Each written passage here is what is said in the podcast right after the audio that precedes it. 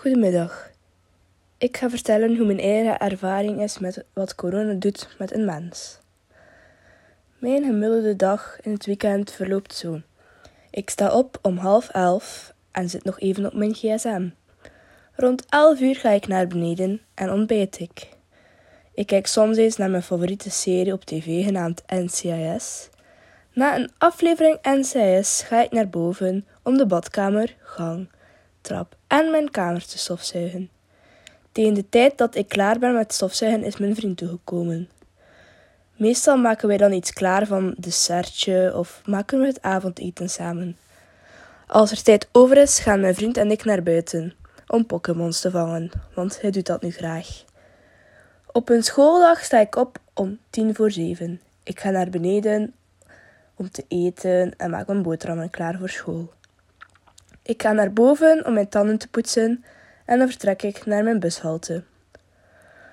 Om acht uur kom ik toe in Gent en wandel ik naar school. Na school neem ik een bus terug naar huis en zit ik even naar tv te kijken. Na een uurtje ga ik naar boven om even op mijn PlayStation te spelen. Rond 7 uur s avonds ga ik naar beneden om te eten en na het eten kijk ik een film of een serie. Hoe zag een gemiddelde dag eruit voor de lockdown? Mijn dag zag er eigenlijk hetzelfde uit als in het weekend. Maar soms ging ik eens weg met mijn vriendinnen of met mijn vriend. Of ging ik eens naar een vijf. Mijn gevoel het afgelopen jaar is enorm naar beneden gegaan. Ik miste mijn vriendinnen. Ik heb mijn vriend lang niet gezien wegens de lockdown.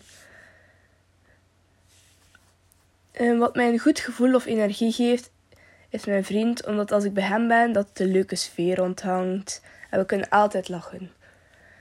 Mijn ouders geven me ook een goed gevoel. Ik kan soms dingen kwijt aan hun en we maken veel plezier.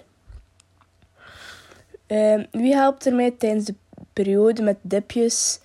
Eigenlijk niemand. Omdat ik ben iemand die daar weinig over praat en ik wil dat liever voor mijn eigen.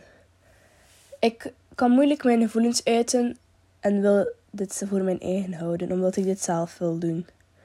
Maar soms lukt het niet. Uh, ik, wat heb je het meest gemist het afgelopen jaar?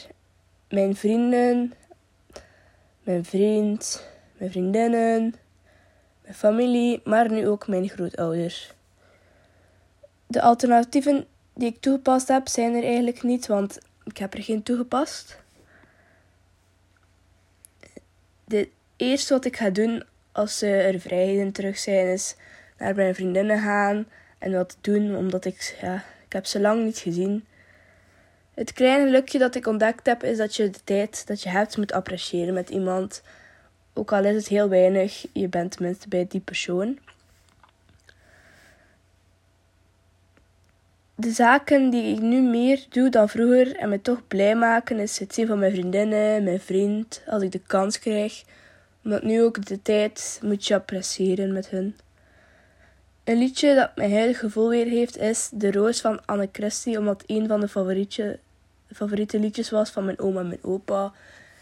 En dan doe me denken aan hun en dan word ik wel soms een beetje blij, want ik weet dat ze samen zijn nu. Een liedje dat mij blij en gelukkig maakt wanneer ik het hoor is uh, High Hopes van Panic at the Disco. Omdat dat het liedje is van mij en mijn vriend. En nu ga ik de liedjes laten horen.